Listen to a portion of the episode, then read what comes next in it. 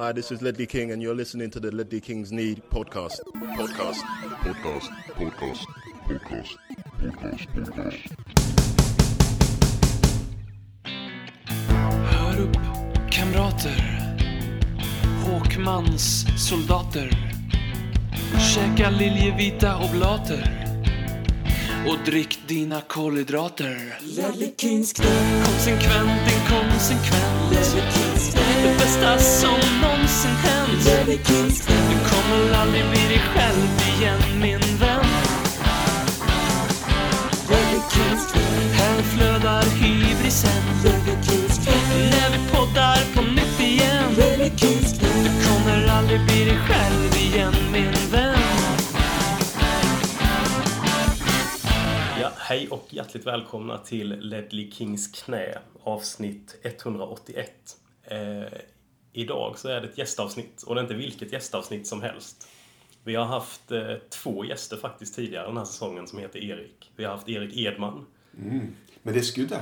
med det skottet. Ja. Edman med skottet. Och vi har haft Erik Niva från Aftonbladet. Ja.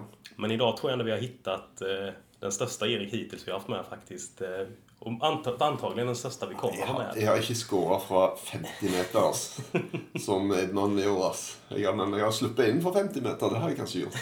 Ja, så jeg sier velkommen til Ledley Kings knä, Erik Torstedt. Takk skal du ha. Eh, vi har jo en del eh, yngre lyssnare, eller ganske mange yngre lyssnare. Jeg tror vel ändå de fleste vet hvem du er, men du var altså målvakt i Tottenham sist vi vann FA-cupen. Lite det som er vår pokal egentlig. Ja, det er litt sykt at, at det er sånn, da. Det betyr jo bare at det har gått altfor lang tid siden Tottenham vant noen ting. Det er jo en skandale, nesten. Altså Hvis du tar og, og, og triller terning Hvis du tenker oddsen for at Tottenham skal nesten bare ved en tilfeldighet vinne noe i løpet av den perioden, så burde de ha gjort det. Altså, så Det var jo kanskje litt av det med håpet da med, med Mourinho, da, at når han kom at ok, men kanskje han kan skaffe oss en pokal. For det har vært så altfor lite av det. Og nå har de vært, Tottenham vært veldig veldig bra i en periode, men vi mangler jo fortsatt denne pokalen. da. Jeg tror det betyr noe for fansen. Pochettino hadde jo den Ja, men det, det er ikke det som betyr noe i forhold til å måle suksess. da. Det er hvor du er i, i ligaen. Er du med i Champions League? Og det har han helt rett i. Men, men fansen, denne utløsningen av å stå på Wembley og få lov til å løfte pokalen, det, det er noe som en, som en trenger da å oppleve. Og ikke bare med 30 års mellomrom. Men kanskje med 7-8 i hvert fall. Ja, det låter som et mer lagom intervall å ha på dem, Ja, säga. Som supporter också. Ja. För det, ja. Um, du, vi gav oss in här direkt på FA-cupen och det passet perfekt egentligen, för jag tänkte vi skulle in där direkt. Uh, det var så att när jag växte upp så hade pappa var Tottenham-supporter och jag hade väl egentligen tre eller fyra VHS som jag kollade väldigt mycket på när jag var ung, som hade med fotboll att göra.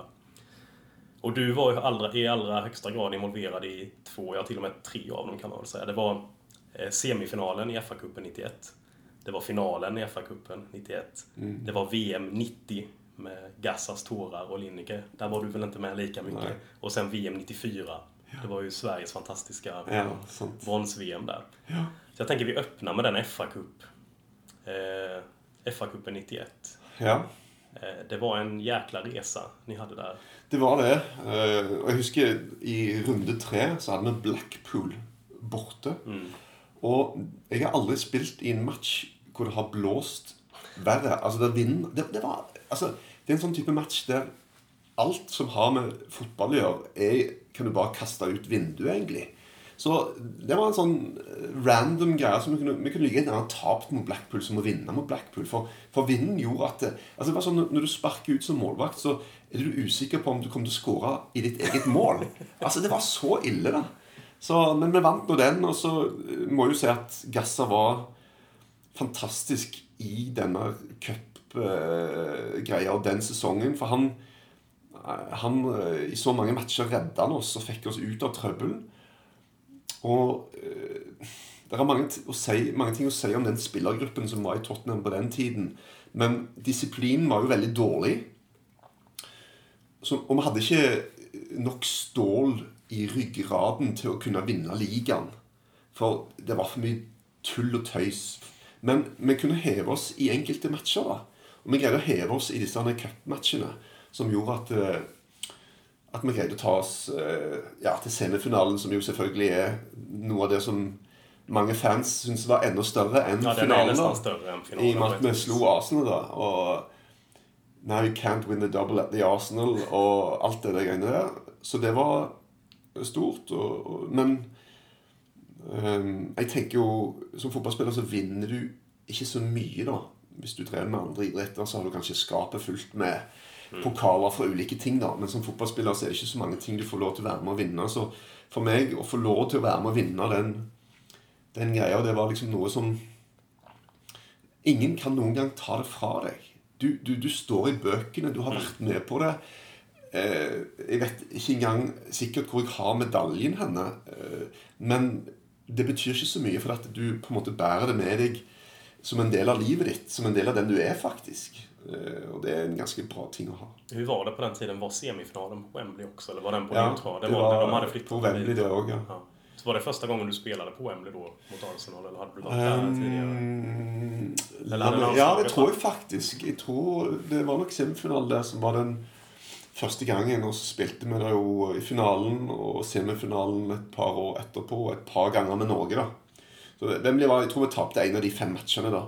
Og det var den semifinalen mot Arsenal. Community Shield hadde vi òg, faktisk. Eh, Da spilte vi 0-0 mot Arsenal, og da var det sånn at Ja, da delte vi det. Da var det ikke sånn at det var noe straffspark eller noe sånt. Det er nesten, det er nesten verre å dela mot Arsenal. Ja. Ja. er det bedre å forlore det. Ja, Liksom. men så, så, når, du ser av og til når noen regner opp alt de har vært med å vinne, da, så regner de liksom Ja, Community Shield har de vunnet, men det er jo kan ikke regne det Nei, som en pokal. Og i hvert fall eh, som en halv pokal. Altså, som, som Nei, det går ikke. Nei. nej, Men, men i hvert fall, det var eh, Det var jo det var jo som liksom Selvfølgelig du hadde dette med Med gasser som var ekstremt gira opp òg i semifinalen, men så skulle han dette fantastiske frisparket, som var en sånn energy release, da. Men i finalen eh, så fikk han jo på en måte, Da var han jo helt crazy da òg, egentlig. Altså overtent. Og da gjorde han jo starta med en horribel takling, og så gjorde han jo dette som gjorde at han ble skada sjøl. Og en, og så skåra de på frisparket, så det var jo mange ting som starta med å gå mot oss. Vi bomma på straffespark. Men øh, uavhengig av at Gassa ikke fikk bidratt så mye i finalen, så hadde alle vunnet FA-cupen uten han. Nei, han vann. Han gjorde vel seks mål tror jeg. Ja. I det hele den. Ja, han, var, han var fantastisk. Og vi dro jo på sykehuset etter match. Og han var jo langt nede da. Han hadde skulle til Lazio. Han hadde skrevet under for, for Lazio vel allerede, tror jeg. Og så kunne han ikke dra, for han hadde røket korsbåndet sitt. Men eh, vi fikk i hvert fall på en måte takke han for at han hadde tatt oss dit. Det er klart Fotball er lag, en lagsport, men du trenger litt sånn eksepsjonelle bidrag av og til. da. Og det hadde han gjort. Jag, jag, jag förmodar att de flesta som lyssnar har koll på vad som faktiskt hände i den här. Men jag tänkte, jag sa inte det. Men det var alltså i semifinalen så vann vi mot Arsenal med 3-1. Gassa gör ett fantastiskt frisparksmål som Mm. Ja. är 1-0. Alltså det måste ju vara 30 meter Ja, ut. det var det, Bara dra den rakt Ja. upp i krysset. Eh, Och sen i finalen så är det Nottingham eh, vi möter. Och eh, ja, de tar ledningen og vi kvitterer i andre. og sen Ja, de tar det blir ledning på når, når Gasser gjør en horribel takling som gjør at han eh, ryker korsbåndet sitt og må gå ut. da. Mm. Og så eh, mister vi på straffespark og, og alt, så jeg tenkte jo at det Here we go again, liksom. Men eh, Stuart Pearce eh, skikket opp bollen. Ja, ja. Det var i andre eh, krysset enn Gassa skikket opp. Ja. Det, tror jeg. Og det er faktisk i mitt hjørne òg. Altså, det vanligvis er det sånn at muren har ett hjørne, så har målvakten ett hjørne som du skal passe på. Hvis du scorer der, så er det din feil som keeper, da. Han skårer der, men jeg var ikke i nærheten. Nei. Men så har de òg en greie i muren med at de skubber inn til sides, da. eh, Som gjør at Ellers hadde vel han kanskje fått den i seg. Ja, det er jo not, not, jeg satt og tittet og kollet kollade igenom den i, igår, highlightsen fra finalen. Og det er jo Nottingham-spillere som nesten brottar ned den av Ja. den ytterste Tottenham-spilleren. Jeg kommer ikke ihåg hvem det var riktig. Ja. Men, eh, det var, men det er en treff han får av Spears. Sykt. jag tror du kan ursäktas Jeg så et, sånt, jeg så et foto senere. Når, når foten hans er lengst bak, da. Ja. Og den er nesten oppe ved å treffe hans eget hode. Det er det sykeste jeg har sett. Altså Foten er så langt bak, da. Så får han sånn syk pendel. Nei, det var eh, Nei, det var en, eh, en dårlig start, men heldigvis så eh, Så gikk det rett vei. Det, men, men ingen hadde vel da trodd i 91 at jeg skulle liksom sitte her i 2020 og, og tenke fortsatt at eh, ja, det har vært fint å vinne FA-cupen igjen. Altså. Nej, för det gjør jag... Eh, när ni vann den också så var det väl Tottenhams åttonde, ja det var ju under den åttonde FA-cupen och just då, det var ju... Vi var ju de mesta mästarna i FA-cupen då. Det var, Ja. var ju vår turnering. på Ja, det var det. liksom. Det kan man ju tyvärr inte säga längre för det har vi ju blivit av med. Ja. Men hur, eh, hur min, minns man så något? Alltså, minns man känslor så ifrån matchen? Eller är liksom allt bara en stor... Du är så uppe i det? Jeg var ekstremt øh, ekstremt nervøs, husker jeg.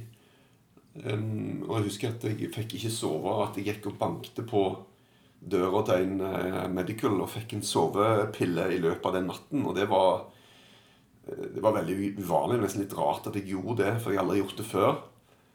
Eh, men du har veldig mye adrenalin som pumper i, i kroppen når, når matchen starter. Eh, Men du greier ikke å nyte det. Nei. For du er bare så oppsatt på samme hvordan du gjør det, bare vinn. Mm. Bare vinn den matchen, liksom.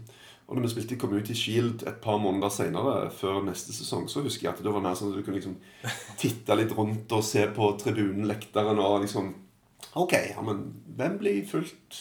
Det var litt fint.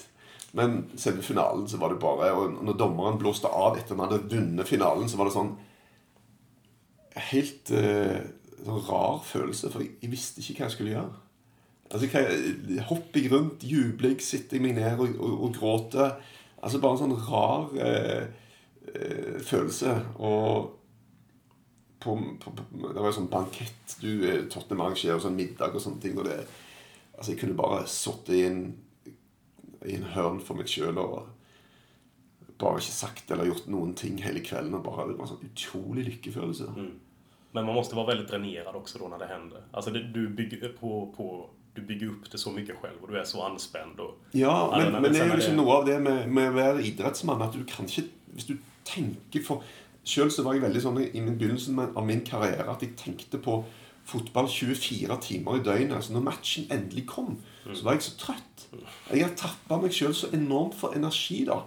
Så noe av poenget er jo, og det er noe av det kanskje det deiligste med det å stå i mål Når du står i spillertunnelen, når du skal utpå, så kjenner du at du er veldig veldig nervøs, men du har likevel kontroll.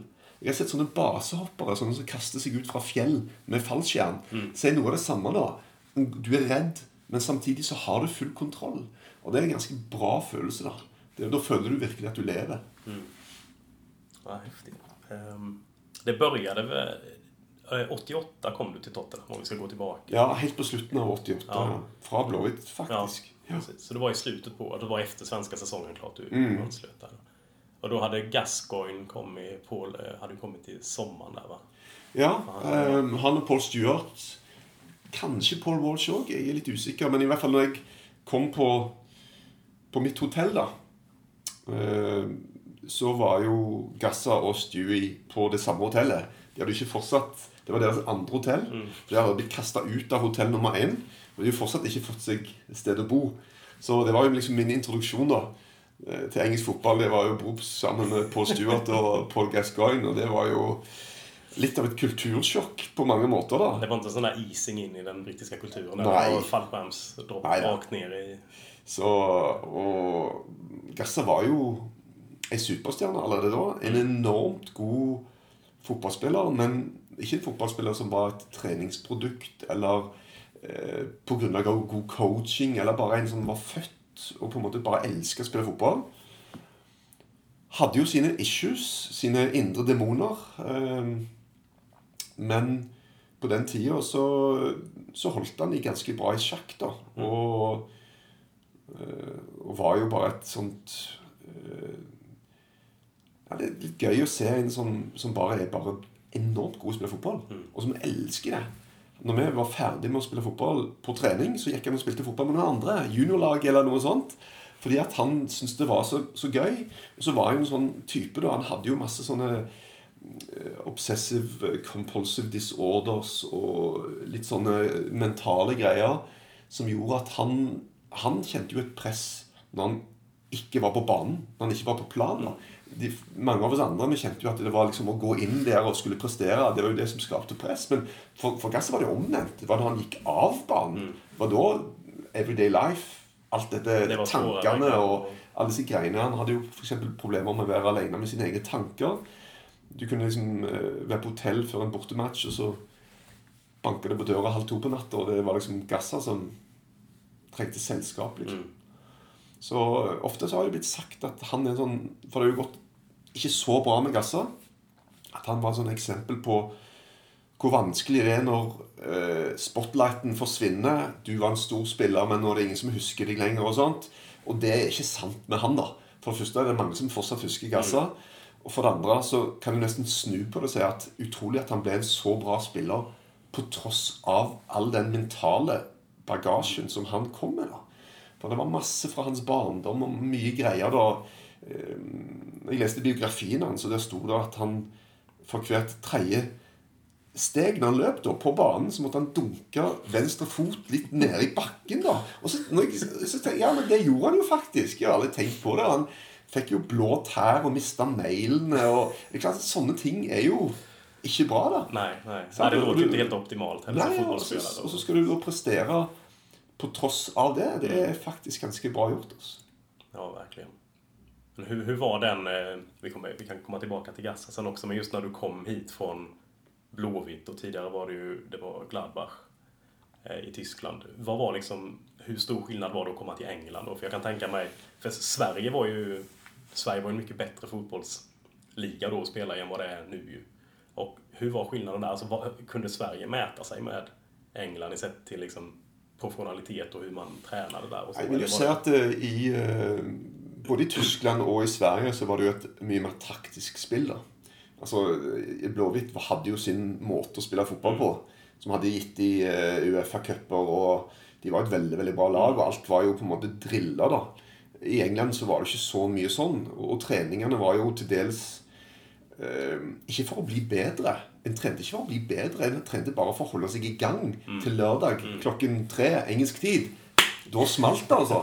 Sant? Så, så det var en i, i, I Tyskland var det mer et sjakkspill.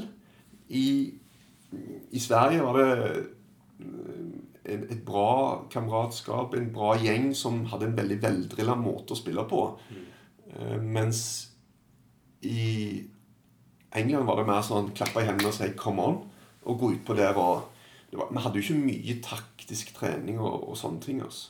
Så nå, forskjellen fra i dag er jo enorm. Eh, lagene i dag er jo selvfølgelig mye, mye bedre. Og det skyldes òg at de er blitt så mye, mye flinkere til å, å jobbe med individuell utvikling, med analyse, statistikk, bruke, finne ut den beste måten å spille på, den beste måten å utnytte våre spillerressurser på. Så, men det som vi jo hadde i England, som, eh, som var enormt fremtredende, det var den ekstreme DNA-fighting-spiriten som lå i alle spillerne. De var så avslappa. Det var så mye tull og tøys både på trening og i kamp. Men fem minutter før kampen skulle begynne Det var som å skru på en bryter. altså. Det var ganske fascinerende å se på.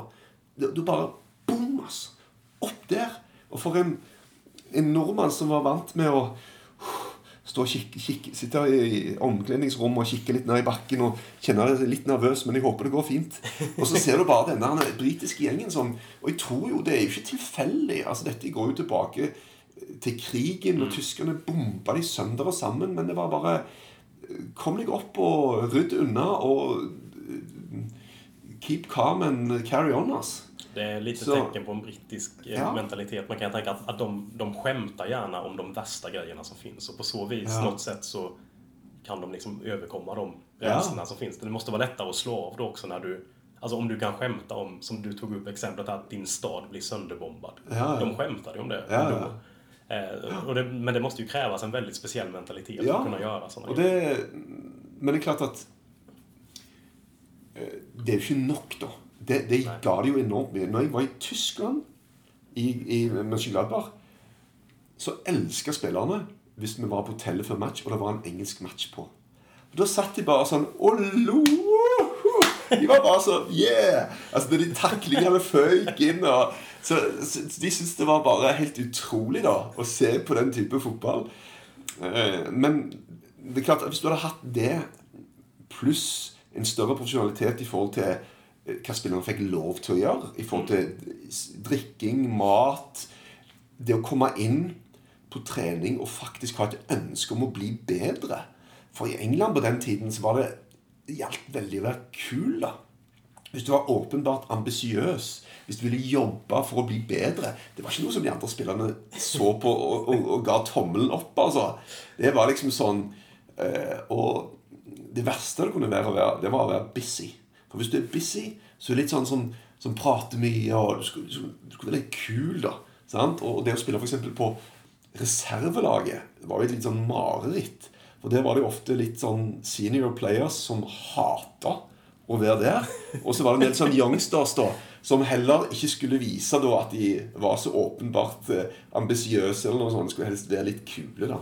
Så eh, på mange måter så, så, så redda de seg på denne enorme fighting spiriten. Pluss at det var mange av de som var, som Gassa, naturlig gode fotballspillere. Ikke så gode som Gassa, men et stykke på vei. da. Så de hadde en, pool av gode ressurser i utgangspunktet, men de forvalta de til dels ganske dårlig. da. Liverpool hadde jo mm, til dels noe annet, da, for de vant jo Europacupen veldig ofte. De hadde jo et pasningsspill og en annen måte å gjøre det på. Så de hadde greid å, å, å knekke en eller annen form for kode. da. Eh, og britiske lag i Uefa-cup og sånn, de, de tok det jo eh, eh, på rett og slett bare å, å feite de andre lagene av banen, altså, ofte. Så, men det var ikke klart, Som deg, så Jeg sitter ikke så ofte og ser på sånne gamle nostal nostalgiske greier, men i forbindelse med at det var Var det 25 år siden vi vant FA-cupen, sånn, så var, var det noen som sendte noen sånne ja, serier som lå matchen ute på YouTube. Så jeg satte meg ned og så. Jeg ble faktisk overrasket over hvor bra nivået var. da Jeg, jeg trodde jeg, jeg husket ikke at det faktisk hadde vært såpass bra som det, som det var. Men i lengden, da, når vi ser hvor store framskritt fotballen har gjort, hvor mye, mye, mye bedre det har blitt, eh, så trengte engelsk fotball en revolusjon. da. Og det har de fått først og fremst gjennom utenlandsk innflytelse. Gjennom utenlandske managere, spillere. Den greia da som har greid å, å kombinere eh, faktisk det nye og det gamle. Fortsatt så er det jo identiteten er jo mye den samme. Du ser jo fortsatt det der fighting-greiene. Eh, og jeg har eh, en nordmann som nettopp gikk eh, fra Genk i Belgia og ble kjøpt som Sheffield Uniteds dyreste spiller gjennom tidene. At han har spilt to kamper. Han har jo vært totalt utkjørt etter 60 minutter. Altså helt ferdig, altså. Så, men så har de greid å ta det beste òg fra utlandet, og derfor har resultatet blitt, blitt veldig bra, synes syns jeg. Ja, för man, det finns ju fortfarande, det har ju ändrats väldigt mycket den brittiska fotbollen, men det finns ju nå någonting kvar där fortfarande. Alltså det finns Ja. ju ett karaktärsdrag i det fortfarande Ja. som påminner lite om Ja, og det er viktig at det beholdes, da, for ellers blir jo alt helt likt. Derfor for syns jeg det er ok at de spiller på jul. At boksing Day, og at det, mange, at det er mange matcher. Ja, men sånn gjør en det i England. Altså, Det er en del av identiteten. Og det er klart at det er ikke bra for spillerne å spille så ofte, men da får manageren rullere litt Ja. mer på laget. da. Altså, Det er en del av greia. Det må en beholde. Nei, jeg holder med. Jeg holder med. Um, du sa det at det var ikke så mye disiplin riktigt i spelartruppen.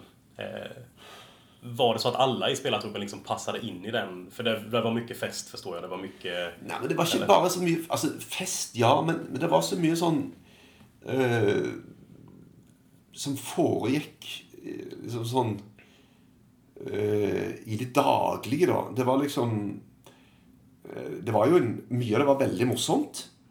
eh, funny. Og du blir jo prega av omgivelsene som du er i. Så noe av det som jeg var sjokka over, sjokkert over i begynnelsen Etter et par måneder så var det bare very, jo funny. Så du blir liksom påvirka av det. Men um, Det hadde jo en sånn greie om at ja, all festing opp til og med onsdag, det var greit. Okay. Men hvis du drakk på torsdag, det var litt for langt oss. Ja. Men så, så og, og maten som en spiste, og øh, Altså, når vi hadde Jeg tror Jeg, syns det høres mye ut, da, men jeg, synes, jeg husker at vi en sommer hadde ti uker feriesemester. Det er mye. Jeg får det ikke helt til å gå opp, men det var et eller annet med mesterskap og et eller annet som gjorde Vi hadde i hvert fall lenge ferie. og da, da er det ikke snakk om at du får med deg et treningsprogram. Der var spillerne vedda slo vad om hvem som kunne legge på seg mest. Så første dag tilbake på trening så var det sånn Yeah! Hvem som vant mest, da. Og så visste de de fikk et helvete, for de skulle løpe i ti, de neste ti dagene. Men ok, det gjorde de. Det var ok. Men det var liksom sånn ingen eh, og, og det var jo en, en form for piss-taking-kultur, da. Der det var litt sånn Det var jo ingen som skrøt eller, eller bygde hverandre opp. Det var bare snakk om 'taking the piss' hele tiden. Alltid. Og det er klart at det er jo funny, men det er ikke alltid at det er ideelt for å bygge et bra lag. da. Sant? Så Men, men sånn var det nå. Eh, og nå tror jeg at ledelsesprinsippene altså Se hvordan det har utvikla seg. Hvordan Pochettino, Klopp Hvordan de driver en sånn emosjonscoaching. da Der det ikke bare er Og det er jo derfor de, tatt, de tar av de beste spillerne og parer det med de beste trenerne.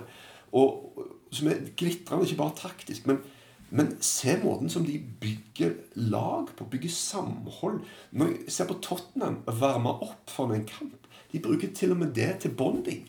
Altså De bruker oppvarmingen for å komme tettere på seg, på hverandre som mennesker. Og jeg har aldri sett så mye klemming. De klemmer jo hele tiden. For 20 år siden var det ingen manager som kunne gråte på TV. Det var ingen som gjorde det.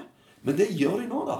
Og jeg tror at dette har vært med å gjøre f.eks. Tottenham i stand til å skåre tre mål på Amsterdam Arena. De må ha tre mål. Altså. De, de, de greier å lage ting som er bare helt De greier å få til eksepsjonelle prestasjoner.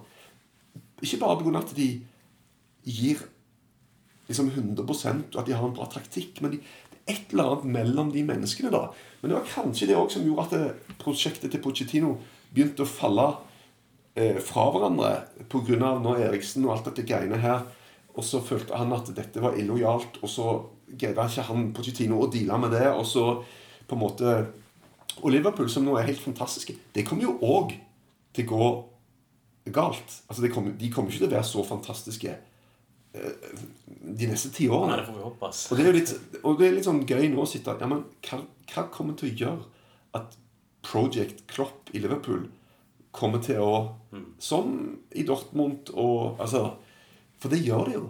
For det blir vel det også at når det går fel og du har så tajta band til noen, så er det Ja. mycket svårare å håndtere det. För Ja. det, det blir mer enn en professionell relation. Ja, det blir sant. noe något mer enn det. Ja, det er som og, du sa med eh, Eriksen der og Pochettino. Ja.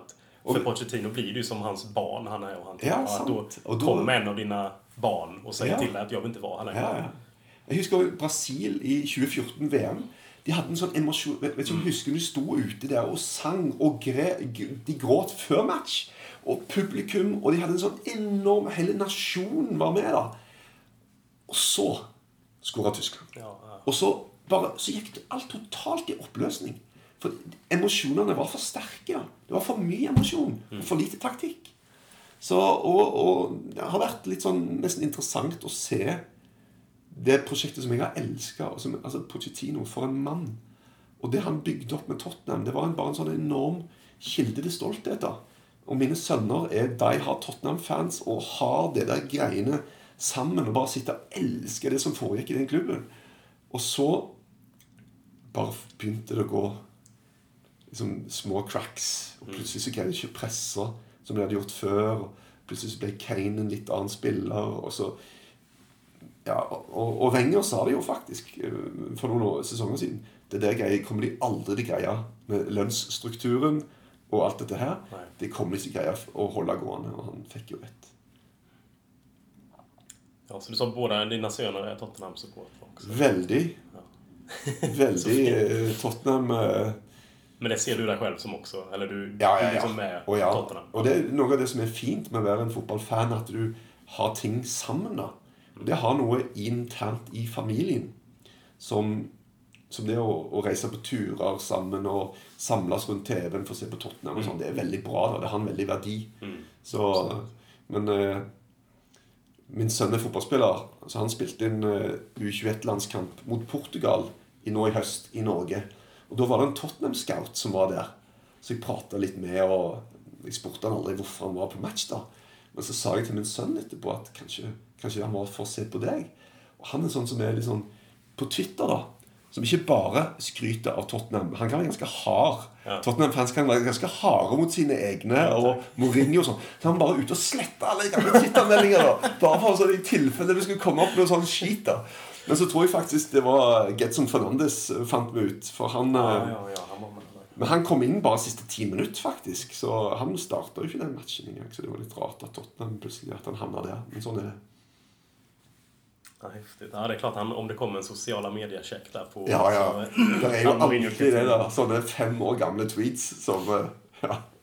Det ble vel sagt om Deli Alli, faktisk, at, eh, med Mourinho, at han Deli Alli Men det var fake, da. Det ble liksom en Ja, sånn det. gammel det. At eh, eh, han aldri skulle vilja jobba med honom, eller hva det var. sant det. Ja. Ja, just. Ja, men ja, nu kom vi, om vi går tilbake litt til da du kom til Tottenham. Um, da hadde du Bobby Mims, hette han? Bobby Mims var var, var førstemålvakt målvakt når när du kom, eller hur var Ja. tankarna? Altså, egentlig, jeg hadde jo forsøkt tidligere å få eh, Tottenham Jeg hadde vært i Tottenham eh, flere år før. Jeg var med jeg var i, i, i klubben i flere uker. Jeg reiste med dem til en eller annen plass i Øst-Europa på eh, bortematch i Europa. Bodde på rommet med Ossi, eh, for han var skada. Han var bare med på turen. Så jeg hadde jo vært i klubben før, men det var veldig vanskelig å få det som på svensk heter arbeidstilstand. Arbeidstilstand. Ja. Så jeg fikk ikke det. Så når de kom eh, opp med dette nå igjen, da, eh, og skulle liksom sa at kom tilbake så vi skal prøve å hente deg, så tenkte jeg at det blir vanskelig. da, Det har jeg ingen tro på. De har prøvd før.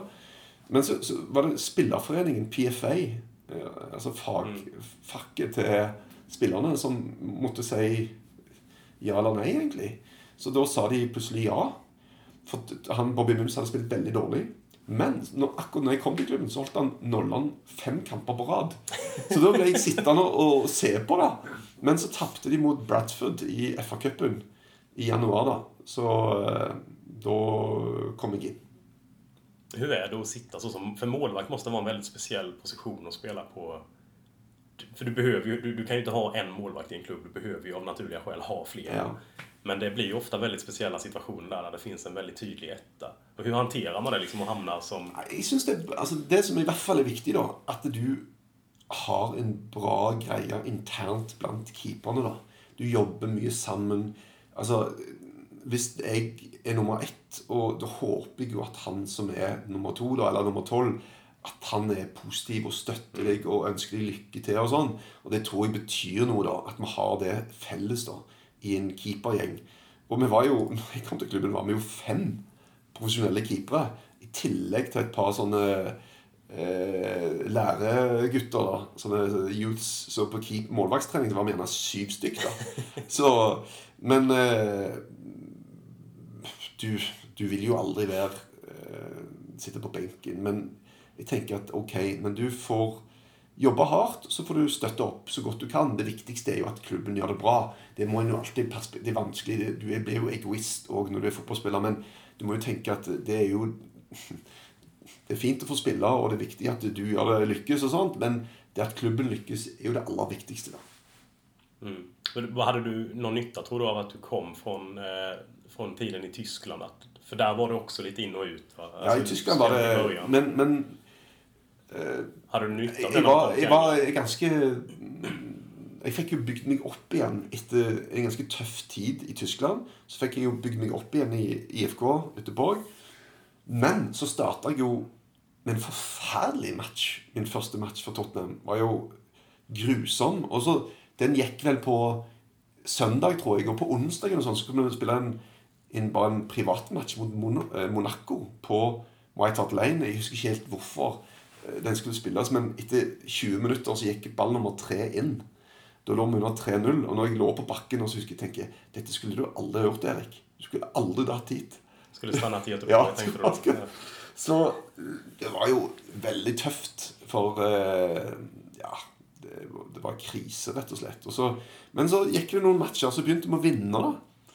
Så vant vi basically ut hele den sesongen, og da er det greit, altså. Når du vinner, og, og fansen hadde vært ok. De visste ikke hva de skulle synes om meg. For jeg som sagt starta med en utrolig sånn eh, tabbe, eller tavle, som det heter på svensk. Og da Men så plutselig så begynte vi å vinne, og så begynte ting å gå bedre. Og så tror jeg vel ja, vi kom ganske høyt på tabellen til slutt. Så, og da var det ok. da Jeg fikk et ganske bra forhold til fansen. Og begynte å gjøre en sånn at de kasta hanskene til publikum når vi vant, og, og sånne greier. Ja, just det. Det har jeg lest om at du kasta dem ut dem litt tidlig en gang også. Du jo, det er faktisk. Ut. Det en sånn syk historie. For at eh, Jeg gjorde det bare når vi hadde vunnet matchen. da Eh, Så det var en kamp på White Hart Lane som vi hadde vunnet. Dommeren blåste av.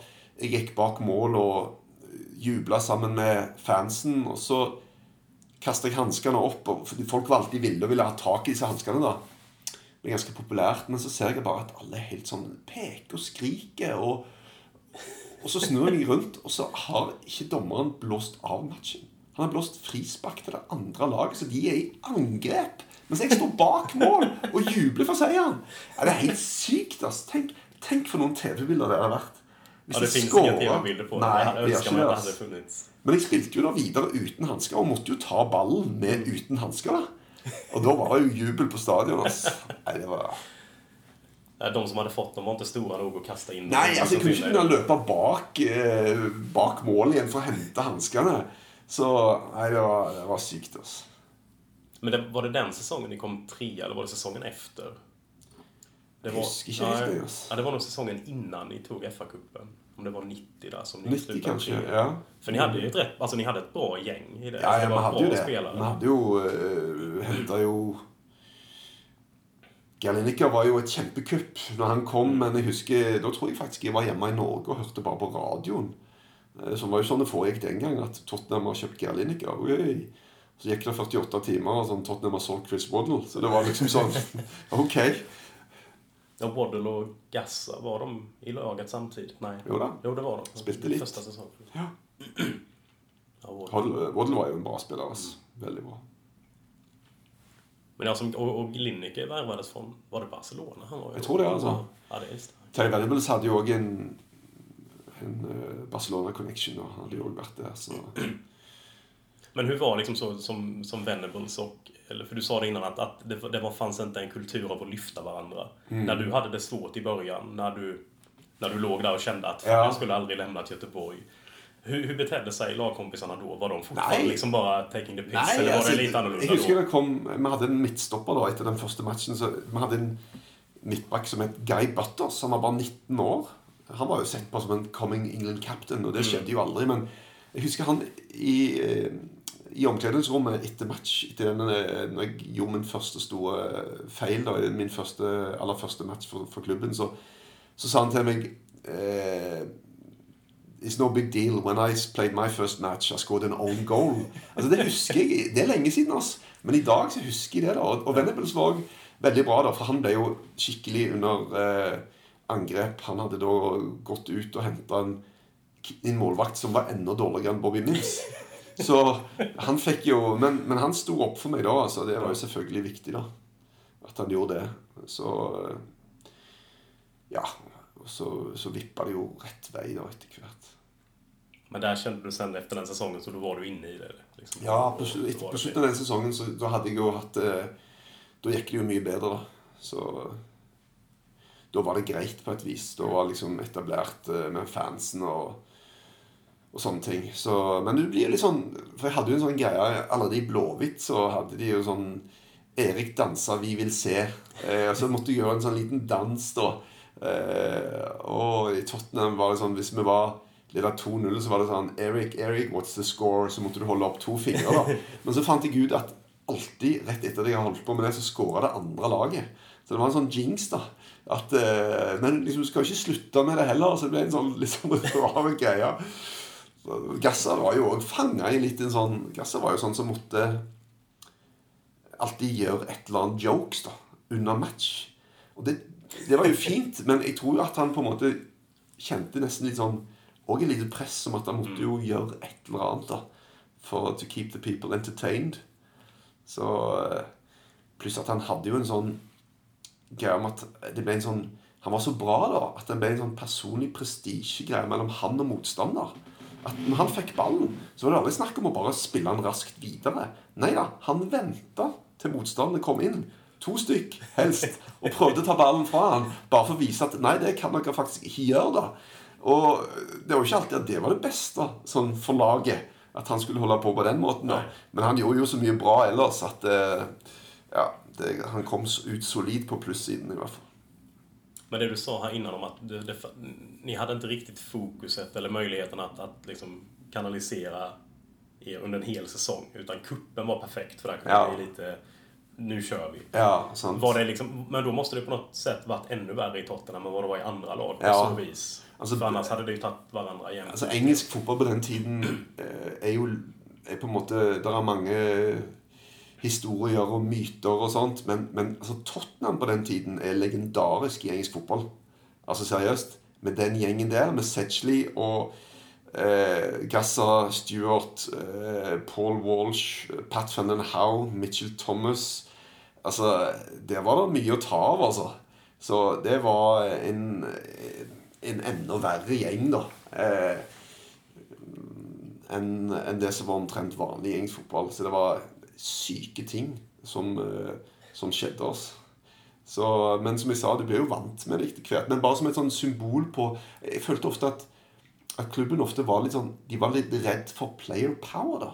Altså, de var litt redd for at de skulle uh, få en sånn uh, revolt i omkledningsrommet. At på en måte Og alt var jo egentlig en money-making mission. Altså, for eksempel så hadde de den gang noe som heter Spurs Line. Dette var jo før internett. Det var sånn at fansen kunne ringe et nummer. Og Da var det John Motson, legendarisk eh, engelsk eh, fotballkommentator, som intervjua en spiller. Stilte han spørsmål, så svarte du, og så kunne folk ringe inn, og det kosta 15p per minute, og høre på dette her. Men det var jo alle snakk om å gjøre noe sånt hvis du ikke, du, hvis du ikke fikk ekstra betaling. Det var liksom Og når vi kom til cupfinalen i 91, så ble det lagt noe som heter Players Pool. Som er en sånn greie som handler om at eh, hvordan kan vi skaffe mest penger ut av det å komme til cupfinalen? Altså Det sportslige fokuset det var langt bak. da. Nei, det var det å tjene mest mulig penger som var foran. Og da, da skulle du først velge en agent som skulle styre denne Players Pool. Og det var jo kontroversielt, for alle spillerne hadde jo sine egne agenter som de prøvde å pushe for å bli den som For de fikk jo sin del av kaka, da.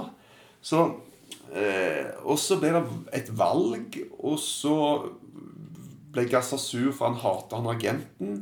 Og så var det Ja, men det hadde mangla noen spillere som ikke hadde vært der, og de burde jo òg ha fått stemt. Og så ble det bare masse rør, da. Og så skulle vi ha press, pressen invitert eh, inn på treningsfeltet før cupfinalen. Ja, men vi nekta å snakke med de som ikke hadde betalt. Det er jo veldig dårlig PR, da. Det er veldig dårlig PR for en klubb. Når vi kjører til Wembley da, med bussen, så har spillerne solgt reklame på bussen. Som spillerne får, da. Det er bare sånn og, og så mye krangel rundt dette, da. Så mye, enormt mye fokus og så mye greier. Gi ut en plate, da. Eh, en, en skive som vi liksom måtte dra og spille inn, men noen av spillerne nekta å være med, for det var sånn og sånn. Så mye greier. Så det var mye liksom, man skulle cashe inn alt ekstra man kunne? Ja, för. og det, og det er klart at spillerne tjente ikke så mye den gang. Nei. Så øh, Vi fikk jo 85 billetter hver til cupfinalen. 85. Okay. Og har i hvert fall én spiller på laget som ga én til sin far og én til sin bror, men ingen til sin mor. For 83 ble solgt på svartebørs. ja, Ja, det, er, det har hendt en del sen eh, Premier League tog over. Så Ja, da. kan jeg tenke meg. Det har det, altså. Så, og så var det jo sånn Det var jo mye sånn østkant. Altså, det var jo spillere som basically kunne skaffe deg alt. Altså, Uansett hva du trengte, da, så kunne de få tak i det. Og hvordan det skjedde, det vet jeg ikke, men det gikk an. Så eh, Ja, det var alltid ting å få kjøpt på treningsfeltet, f.eks. Det var som en marknad liksom. Ja, det var liksom bare å åpne bagasjerom på bilen, og der var det litt stæsj. Hva kunne det være for greier? da? Liksom? Nei, det, var, det kunne være eh, klokker eller smykker eller Jævlig greier. spesielt. Ja.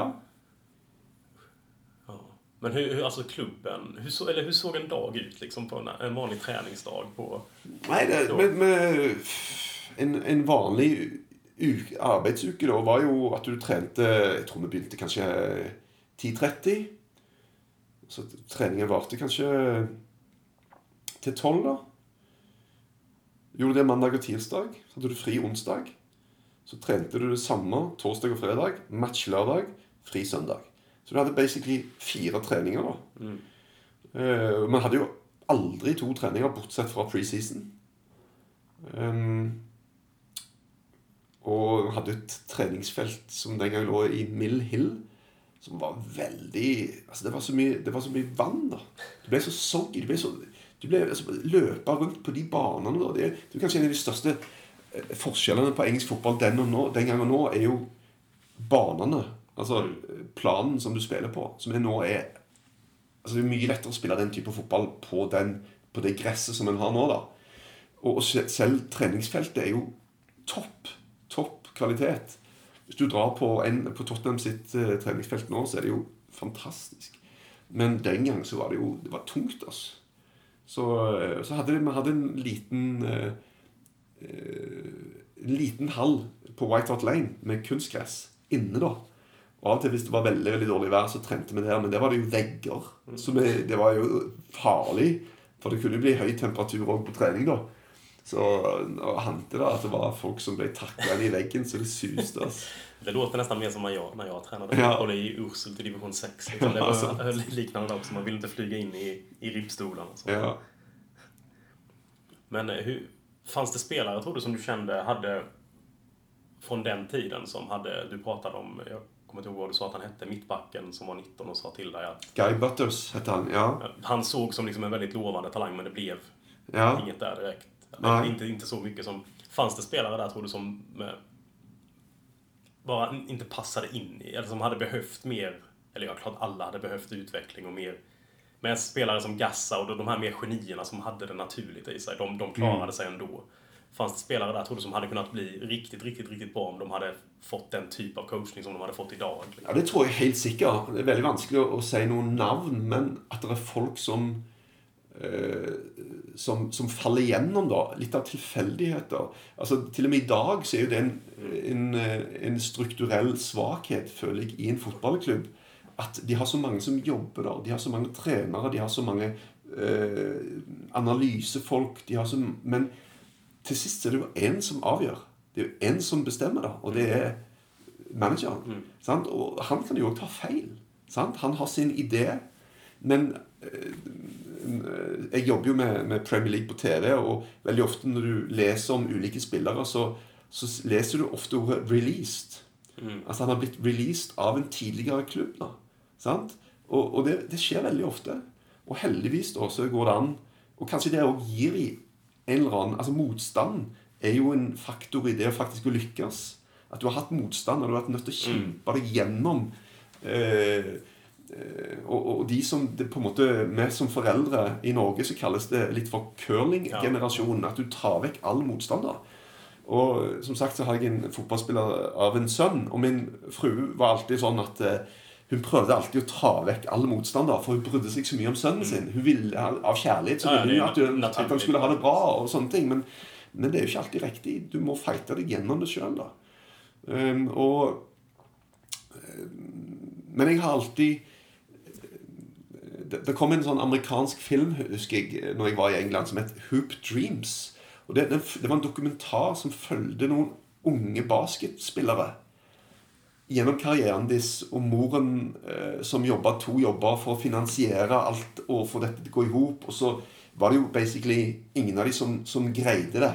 Og det var mange som Dette var en veldig høyt ansett film, og eh, mange var liksom kom ut litt sånn devastated fra eh, fra bioen og hadde sett på en måte Men jeg var bare sånn Jeg så filmen og var sånn Dead cold. Altså, Jeg har sett det en million ganger. Her kom altså alle de unge guttene fra Irland, fra Wales, kom inn, ble kjørt gjennom Spurs kvern, da, og så bare spytta ut på andre siden. Det ble alle noe mer, liksom. Og det var jo et svært flertall som var der, da. Til og med akademiene nå til dags. Hvor mange det som lykkes? Norske, svenske unggutter henta til akademiet. Får kontrakt. 15-16 år gamle. Drar av gårde. Én eller to prosent kommer gjennom oss. Ja, Det er knalltøft. Vi, hadde, vi gjorde faktisk et avsnitt for så lenge siden om med en, eh, en, en brittisk eh, Tottenham-supporter som har fulgt ungdomslaget veldig nære. Ja. Og han sa det at, att han, han, han ser jo de her unga då som han kjenner at det her kan virkelig bli. Ja. Men det, det er sånne tilfeldigheter også som Ja. at nej, det blev inget. Det kan være skada ved helt fel läge. Det kan være Ja, managerbyte, något bråk sant? bakom kulisserna som Ja. gör att okej, han fick inte chansen där Nej. och gick ner sig fullständigt. Ja. Nu är det lite... Ja. Han, man kommer helt ur rytmen liksom. Ja, det kan være at det, det kan være den At den ene, den ene sjansen som du har, som du setter en meter utfor Hvis den går inn istedenfor Mm. altså Det kan være nok, da. Både i forhold til eh, selvtillit, selvfortroende og, og på en måte hvordan de andre ser på deg, da. Hvordan Mm. ser, ser de på en som Wow, han, han kan gjøre noe for oss, da. Mm. Så det der er Det er noen som har kommet gjennom, da. Eh, Ryan Mason eh, greide det jo før det gikk Mm. eh, Wings har jo Harry Kane. Skip. Eh, min sønn spilte mot Skip i en eller annen turnering oppe i Liverpool. Eh, når han spilte for et norsk lag, og Skip var helt konge. da Altså han var liksom, Det var han som styrte alt. Og så fikk han jo litt, en god del spilletid på et tidspunkt, men nå ser det ut som han er bare Ja. feida unna igjen. Ja, det blir, det blir jo veldig svårt i den åldern også, kan jeg tenke meg, når du börjar få, Når du havner litt i den, i den eh, Hva skal man si gapet emellan U-landslaget, eh, U-laget og Ja. A-laget. Ja. Du er bra nok til å være involvert i A-laget. Mm. Så då, ja, men då, då behöver vi inte ha dem i U18, då ska de vara i A-laget. Ja. Men du är kanske inte riktigt bra nog för att få spela så mycket som du behöver. För Nej, det låter kanske för enkelt, men det måste ju vara att du måste ju få spela i den Ja. åldern också. Det måste ju vara en sjukt viktig ålder att här Så er det jo på utlån, da. Så er det jo enormt mange som går på utlån til andre klubber. Og det, det kan være fint, det òg. Men eh, eh, der òg handler det om litt om Altså Serge, Serge Gnabry, som nå er superstjerne på Tyskland og Bayern München, dro jo til West Brom og Tony Pulis. Og det Han, han ville ikke spille noen ting. Helt vekke. Han var Pulis sa bare Han er ikke i nærheten av å, av å være, holde det nivået som vi ønsker. da Så Nei, det Där er måste ju klubben ha ett stort ansvar också att hitta en miljö som passar. Både, Ja. både spelmässigt men också alltså, psykologiskt, mentalt kring Ja. hur, jobbar den klubben där han kommer till. För det kan ju bare vara, skilja sig helt annorlunda. Og Chelsea har vel til og med gjort det som en sånn eh, forretningsidé. At de bare kjøper alt. Leier det ut. Og selv om de aldri får en eneste A-match for Chelsea, så gjør det såpass bra i Nederland eller at de, de får en verdi da som gjør at de kan selge det igjen. Og de, de var jo notorisk, for de, de fikk jo aldri flytte opp noen spillere fra akademiet, som var fantastisk. Chelsea har hatt suverene resultater med sine akademilag. Det var aldri en av de som greide å bli A-lagsspiller før nå, da. Nei, Nå har de jo totalt snudd om. Ja. Om det, om det var pga. transferban eller pga. at Frank Lampard bare sier at ja, men jeg skal, altså, de er jo gode, da. Ja, ja, ja, absolut. Veldig bra. Ja, det, det är intressant. Det. Ehm, hade du noen, noen lagkamrat, om vi går tilbake til tiden i Tottenham her, som du kjente var veldig underskattad? Hadde du noen spelare som inte riktigt fick den, Jeg husker alltid jeg tenkte at Vinnie Samways kom til å bli en engelsk landslagsspiller. Det gjorde han jo ikke, da. Men jeg, jeg syns han var Jeg synes han var ganske bra. Ehm, og så får du ofte et veldig nært forhold til midtbakkene, da. Så jeg hadde jo et godt forhold til, til Gaunabut, Mabbut, eh, som jeg syns var en, en sånn bra spiller å ha foran seg som, som målvakt. Colin Collerwood syns jeg òg var bra. Eh, og så han eh, Hva heter han, da? Fairclough, som gikk til Leeds, tror jeg. Syns jeg òg var en god spiller. Var det Fairclough? Husker ikke helt engang. Eh, men eh, Og så Chris Armstrong. Han, han, men han hadde bare én fot, da. Den foten var veldig bra. ass. Så Jeg husker vi hadde avslutningstrening med Teddy Sheringham. Han, han syns jeg var bedre avslutter. ass. Men bare med den ene foten. da. Så Ja, Armstrong. Han kom da var det? 95, 96 noen gang? Eller var det enda tidligere? Jeg tror det var enda litt tidligere. Pluss en som jo ikke har fått noe cred i Tottenham i det hele tatt, er jo Popescu. Han var der jo veldig kort tid. Han fant ut etter to uker at jeg har gjort en stor feil. Her skulle jeg jo aldri ha vært. Han og engelsk fotballkultur var ikke bra i det hele tatt. Men han var en veldig bra spiller, da. Eh, det var han. Men han var bare en sesong om en sted? Ja. Så gikk han til Barcelona, tror jeg. Ja. ja. på Pesco er bra. Nei, for i Tottenham-kretser tenker man knapt på at han har vært i Nei, Altså sant. Inn, inntil noen positiv Nei. bemerkelse. Altså. Hadde jo Dimitrescu var det jo òg, da. Mm. Han øh, Han var jo han, var ofte igjen sto, altså Som jeg sa tidligere, vi trente jo ikke så mye, så jeg trente jo alltid litt ekstra. da Enten når vi gikk på gymmet ute der som jeg bodde, eller uh, om jeg løp for meg sjøl på kvelden, eller gikk, ble igjen og trente litt ekstra. da For jeg tenkte jo at liksom, den som trener mest, blir best. Og Dimitrescu han likte ofte å være ute igjen og, og skyte, da.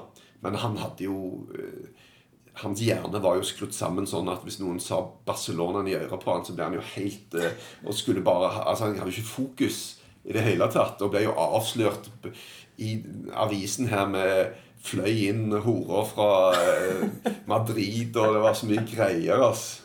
Så Men han var en ganske grei fyr, da. Men han var jo veldig naiv, og eh, han hadde ikke fokus på rett plass. Altså. Ja, det låter... Det var ändå så, för när, när var han? Det var också framåt... För du, du Ja, det var da de hadde lämnade The Fabulous Five, var det ikke det? Med da? Adiles, ja. Med, med, hvem var det, da? Det var, det var vel uh, Dimitrescu, uh, Barnby, Anderton, Klinsmann Var Sherry. Var Skjæringen jeg mener de? Han var kanskje det. Ja, ja det stemmer kanskje det. Det var, det, var, det var to lag i Tottenham. Det var de som spilte framme, og de som spilte bak. På midten var det ingenting. Det vet jag, Ian Walker hade du som eh, andra keeper ganska Mm. bra tag va? Og omvendt, faktisk. Ja, ja sen Ja. sista säsongen. Eh, jag minns att jag, jag hörde han säga någon gång att när, eh, när Ossi, hur, var, hur det var att ha Ossi som manager, så han, det kunde vara fantastiskt. Jag behövde inte göra någonting, eller så kunde det vara helt åt helvete. Ja, ja. För jag fick jobba hela matchen. Ja de stod, Det var sånn For at når, når den gjengen framme mista ballen, så sto da Det var som regel de fire i backlinjen pluss en defensiv midtbanespiller, så sto de og bare venta på du, du, du, Så kom denne gjengen bare løpende rett mot dem da. Nei, det var helt eh, Det var ikke så Men eh, når det funka, når de, den gjengen der skårte fire, da, mm. og de bak bare slapp inn to, så var det jo gøy. Ja, det var det Tottenham Way, i alle fall, med ja. det offensive. Det var det. Ja, för hur blev det där på slutet? Hade du, fick du skadeproblem lite med knät? Ja, men jeg, hadde, så lenge, jag var i Tottenham i Hvor lenge var jeg da? Syv, syv og et halvt år. Så hadde jeg eh, jeg tror jeg hadde tolv operasjoner i løpet av de årene. Når jeg kom eh, Når jeg var på eh, Når jeg var i IFK Göteborg, så var vi på treningsleir i Firenze som en del av Glenn Hussein-overgangen eller noe sånt. Ok. Eller om det var Svennis, eller jeg husker ikke helt. Men i hvert fall da kjente jeg første gang fikk jeg jumpers 9. Og det var en ganske dårlig skade, da. Og så øh, gikk jeg jo da Spilte jeg ut den svenske sesongen. Og så gikk jeg jo til England, så måtte jeg spille til sommeren. Og så ble jeg operert. Og så ble jeg operert i England av noen som ikke hadde aning hva de skulle gjøre. Så det funka ikke. Så måtte jeg spille én sesong til med samme skade. Før jeg fikk gjort det i Norge, da. Og da fikk de fiksa opp igjen. Men vanligvis en sånn type skade er jo Altså, du tar jo fire-fem måneder rehabilitering. Men her hadde du Du hadde seks uker til du skulle begynne å løpe igjen for neste sesong. Så, men jeg hadde ikke så mange sånne eh, knakk ben eller noe sånt. Jeg hadde veldig mye sånn belastningsskader. da. Jeg var sånn skrudd sammen mentalt at jeg var nødt til å trene mye for å kjenne at jeg var bra forberedt. Det var en, en sånn svakhet hos meg at eh, hvis jeg gikk inn i målet og følte at du har ikke forberedt deg godt nok, så hadde jeg ikke den selvfortroen som jeg trengte. da. Så Derfor trente jeg nok kanskje ofte litt for hardt, litt for mye. Når jeg burde ha tatt det litt mer med ro, så gjorde jeg ikke det. Eh, Så derfor så eh, fikk jeg eh, knær, ankler, skulder, rygg, prolaps. Masse sånne greier. Så i dag så har jeg jo bør egentlig få et nytt kne. Høyre kne burde vært bytta ut. Men Så jeg kan ikke løpe sånn, men jeg kan sykle, da. Så jeg sykler mye. Det er i hvert fall bra at jeg kan gjøre, gjøre noen ting. Ja, för det måste vara rätt så svårt att slå av från att vara professionell fotbollsspelare sen till att inte ha... Alltså man måste ju, kroppen måste ju må bra av att fortsätta hålla igång på något vis. Ja, du bør jo Så jeg har alltid vært sånn at jeg eh, holder det i gang. Jeg finner jo alltid et eller annet som du eh, Som du kan gjøre. Men når, når jeg vokste opp, så var det å sykle var sånn Losers. Altså, se på den gjengen der. Men nå er det det eneste jeg kan gjøre, så da må jeg jo lære meg å like det, da. Så nå sykler jeg faktisk eh, ganske mye. Og jeg, jo, jeg tok Jeg tok alle tablettene, jeg tok alle sprøytene, jeg tok alle operasjonene jeg kunne ta. da. Eh, og jeg gleda meg alltid til hver eneste operasjon, for det, det var jo et eller annet som skulle fikses. Det var et eller annet som skulle bli bedre, så jeg så alltid fram til det. Men den siste ryggoperasjonen, da var det sånn åh, vet ikke om jeg orker mer. altså. Da var det liksom Så eh, Men jeg gjorde alt bevisst med åpne øyne, og jeg visste at det kan godt være at du kommer til å slite litt med dette seinere, men tenkte ok, men det er det verdt. Det er greit. Dette, denne karrieren har du bare én gang. Nå skal jeg gjøre mest mulig ut av det. Og så får jeg heller godta at det blir noen smeller seinere. Liksom. Det er greit. Det har jeg, jeg har ingenting å klage over. Minns du når du kjente at det var dags for å legge ned? med... Ja, for, for jeg, jeg, alltid, jeg all, elsker alltid å trene. da. Selv når du var på benken eller Men liksom det å få lov til å gå ut på trening og, og kaste seg rundt og prøve å redde ballen og ha det som jobb, og til og med få ganske bra betalt, i hvert fall Og eh, på 24. desember, på jul, da gikk jeg alltid ut i shorts. For da tenkte jeg da skal jeg markere at nå er det jul, men jeg får lov til å gå ut på gresset og stå i mål i shorts. Eh, men liksom de siste månedene, da eh, Og da er vi i 96. Liksom sånn våren 96. Da var det sånn Da begynte det å gjøre litt sånn vondt å kaste seg. Mange som ikke har peiling på fotball, spør sånn Er det ikke vondt å kaste seg? Nei, det er ikke det. Men det blir liksom sånn Og så ble det litt sånn Oi, det var litt vått i dag. Oi, nå ble du våt. Og, og dette var litt kaldt. Altså, På slutten så kjente jeg at eh, Og da var det sånn at jeg var jo fri til sommeren, så det var jo min sjanse til å gå gratis til en annen klubb og tjene litt penger, da. Så jeg hadde jo tilbud fra, fra USA, og skulle, jeg var på Medical i Wolverhampton. Jeg var i Østerrike hos en klubb. Men jeg var bare slutt, da. Altså, Jeg var på Medical i Wolverhampton, og det var sånn etisk dilemma. Fordi at de spør deg sånn How is this? Uh, it's fine. No problem whatsoever. No pain. Uh, jeg tenkte dette er jo fraud. Altså, Du kan jo bløffe deg gjennom det. Men det er jo spillere faktisk som har blitt saksøkt av klubber fordi de ikke har på en måte de har holdt skjult skader der. liksom. Ja. Så jeg endte jo opp med å, å tenke at hvis jeg skal fortsette her, så blir det jo bare en, en daglig kamp om å komme seg ut av senga, egentlig. Så det var nesten sånn lettelse. Altså, jeg elsket å spille fotball. Og jeg ga meg jo ganske tidlig for å være en målvakt, men I was finished. Det var slutt. Da var jeg så dårlig i kneet, altså. Og dårlig i ryggen. Så, men her er jeg fortsatt med samme kne og samme rygg. Det går jo bra. Hva gjorde du da precis efter du hadde slutat? Alltså hva gjør man? For det måste ju vara... Det måste ju, man måste verkligen... Det måste vara svårt att gå från en sån tydlig miljö som du är i varje dag till att sen bara, ja nu är du fri till att göra vad du Ja. vill. Liksom, vad sökte du? Jeg tror nok at jeg, i sånn ettertid Jeg skulle kanskje bare blitt litt lenger i England. Bare blitt et år og sett om det var noe annet jeg kunne gjøre. eller sånn. Men så flytta jeg hjem, og så begynte jeg å jobbe ganske tidlig for min eh, gamle klubb i Stavanger. da, Viking Stavanger. Som sånn sportsdirektør. Men det var ganske vanskelig, da. Jeg hadde Det var jo ikke en sånn veldig definert stilling på den tiden. Det var nesten sånn Ja, hva er det, da? Og det var litt sånne interne ting i klubben som gjorde at det, Ja, det gikk jo ikke sånn superbra sportslig. Jeg kom tilbake til Norge, jeg hadde jo ikke peiling. Jeg hadde ikke vært hjemme i Norge på elleve år. Hadde ikke så god peiling på norsk fotball. Det tok meg litt tid å få satt meg inn i ting. Og så ja, så var det Jeg tenkte at dette er faktisk ikke så veldig bra. Så jeg slutta etter et år, og så jobba litt i reklamebyrå og begynte som målvaktstrener på norske landslag og gjorde litt sånne ulike ting. da. Og jobba selvfølgelig Begynte ganske tidlig å jobbe med, med Premier League på TV. Og det har jeg vel basically nesten gjort siden. og Jobba mye på TV. Pluss at jeg eh, gjør sånne team talks der det handler om eh, hvordan du kan bygge en bra kultur for eh, at et, lag eller et kollektiv eller en arbeidsplass eller hva som helst kan, kan lykkes bra sammen. Og det tror jeg er ganske sånn universelt, om det er en fotballklubb eller noen som jobber på en, eh, en dagligvareaffære eller eh, på en IT-bedrift eller samme det, så tror jeg det er sånn, ganske sånn grunnleggende menneskelige ting som ligger i, i bunnen. Som er relativt like. da.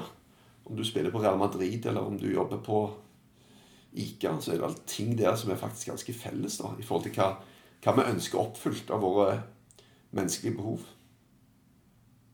Det, liksom, det, det interesserer meg veldig for det der med litt, litt sånn som det var i, i Tottenham. Det, sånn, det individuelle versus eh, teamgreiene versus det kollektive. For vi er jo alle egoer. Vi har jo alle født med et egobehov. Når du er keeper, så får du faktisk litt av begge deler. For du, du driver en individuell idrett i en lagidrett. Så det er ganske fascinerende. Du får liksom det beste egentlig av litt sånn to verdener. Du kan jo faktisk være veldig bra selv når resten av laget er shit. Altså, det går jo an, da. Så, men, og noen spillere vil jo heller skåre to mål og tape 3-2 enn å vinne 1-0 hvis en annen på laget skårer målet. Altså Sånn er det. Og sånn er det ofte. Det kan jo være litt sånn på, på arbeidsplasser òg. Noen syns det er fint å være litt sånn stjernen på laget. Og det, det viktigste er at de ser bra ut, enn at vi gjør det fint. da, At vi gjør det bra på den arbeidsplassen. Så der er det ganske mye, og det er faktisk ganske interessant mye syns jeg. Ja, verkligen. Hade något exempel, men förutom eh, eh, Dumitrescu kanske, ja de passade kanske in. Hade ni någon lagkamrat under tiden som verkligen inte funket i kollektivet? Alltså där individu, den individuella personen eller egot blev för mycket, eller det bara inte gick? Nei, men vi hadde Vi hadde litt sånn Jeg vil heller si det var sånne spillere som kanskje var litt for, det, var, det var nesten omvendt. At de, de kom og så er de for Du må ta din plass, da. Du må, du må fighte for din plass. Eh, Etter meg så kom jo en norsk målvakt som het Espen Baasen. Som jeg nå eh, Vi har fortsatt god kontakt. Eh, Og han han, han var jeg, jeg visste han kom til å få litt problemer, fordi han er ambisiøs. Han, han var litt av det de kaller busy. En sånn utadvendt sånn som liker å snakke. Og, og han fikk det ganske tøft. Og jeg måtte bare si til han Du må begynne å sparke folk ned. Altså, det, det er det eneste. Så, I Tyskland så var det jo sånn. I Tyskland var det jo, det var jo krig på trening på hver, hver dag. Så, så du må liksom ta den plassen, da. Så det var nok mer det at du, du eh, du var for forsiktig. Du greide ikke å, å, å slåss deg gjennom. Gordon Jury hadde vi, som var en veldig bra spiller, som gikk videre til Glasgow Rangers. og Han var også litt med dette med fokus. da. Så lenge alt var bra, så lenge jeg ikke hadde noen distraksjoner, så var han en veldig veldig god fotballspiller. Men så- med en gang det skjedde et eller annet som gjorde at han begynte å tenke på noe annet, så, så skled han vekk. Og så ble det ikke det samme. liksom. Ja, det er jo en generell grej også at om du tappar fokus, uansett hva du Ja. gjør, så må du kunne sno tilbake Ja, og komme inn i den Ja. igjen. Og klart det er en, det er en, och sen får motståndarna veta att det är så, då kanske man försöker hitta sätt och liksom, kan vi, hur kan vi slå ut den här spelaren utan att, Ja, ja, ja. alltså på det lättaste sätt? Ja. Ja, nu, du har, har du mycket kontakt fortfarande med gamla lagkamrater? Från, Ikke så veldig mye. Gary Mabbott eh, prater med en del Gudny Bergson, faktisk, som jo er fotballpresident på Island nå. Ehm, Men når du er på match, da, hvis du er inne, så treffer du jo hele gjengen. da. For de jobber jo mange av de som sånne hosts og klubbambassadører. da. Så da treffer du jo en del av de der. Men eh, ja, selvfølgelig når det er sånn eh, Siste match på White Hart Lane, så var det jo mange til stede og, og sånt. Men eh, så, ja, De har jo en sånn Legends-lag òg gående da, som reiser rundt og spiller matcher. da, Men jeg har jo ikke Jeg kan ikke spille fotball, så det, det er ikke noe for meg. Det går ikke. Jeg har sluppet inn mitt siste mål. Jeg stilte jo faktisk opp og skulle spille eh, åpningsmatch på nye Altså på Tottenham Hotspur Stadium. da For da var de nødt til å ha et par matcher. De hadde en sånn eh, U19-match, og så hadde de en sånn, sånn All Boys Legends. Og Det skulle jeg være med, og jeg visste at du er ikke i nærheten av å kunne spille, du, med din kropp. Men det var en unik sjanse, da. Altså Jeg tenkte jeg kan ikke la den gå fra meg. Men jeg har jo slutta for liksom, Jeg la jo opp for eh, liksom 23 år siden. Og nå skulle du spille med folk som slutta. Altså, eh, Robbie Keane og den Ja, gjengen De har akkurat slutta, jo. Basong. Altså, det var, de var jo nesten aktive spillere. Og det var, det var en sånn blanda å gå utpå der og føle på en måte familien og spørs, og liksom kjærligheten, egentlig. da. Og så visste du at åh, det er veldig liten sjanse for at dette kan gå bra. da. Og, og liksom Idrettspsykologisk så er du så ut ute og sykler, da. For når de hadde ballen, var sånn Håper det ikke kommer et innlegg. Jeg håper ikke det kom et innlegg. Og så, så gjorde jeg jo en sånn miss òg, da. Så, men det var likevel verdt det, for det var en stor dag. altså. Det var fantastisk å være der. Og eh, være med hele den gjengen. Gassa spilte jo, og ja, han var i hvert fall utpå der, da. Ja, han var ute. Jeg var på matchen også. Ja. Det var jäkligt heftig. Så eh, Ja. Og Gino La, som satt og fiksa neglene i omkledningsrommet før match. Og det var, det var fint. Ja. Jeg minns jag från den Legends-matchen också. Jag var väldigt fokuserad på att eh, Gassa, när att han skulle komma in. Ja. det, var, det var häftigt. För han var ju då, från, som jag nämnde i början här, det var VM 90, de här FA Cup VHS-banden man Ja. hade hemma och såg det. Och det var ju något med honom just med alla, alltså, det var lite där man märkte att det fanns mycket känslig fotboll också. Det kom ju från Ja. att se honom. Ja. Eh, Så det var ett jäkligt speciellt ögonblick när han kom in där. Alltså. Det var, Och det var, han er så populær, vet du. Så det, og det tror jeg eh, er litt sånn Jeg tror det betyr litt for han å kjenne den kjærligheten. Jeg, tror dette med penger eh, blir jo litt sånn en Kan bli en kilde til bitterhet, da. Når han basically ikke har noen ting, og så ser han spillere som han tenker er- har 2% av hans talenter, og som tjener formuer, da. Så eh, men gasset har fortsatt faktisk et veldig veldig stort inntektspotensial.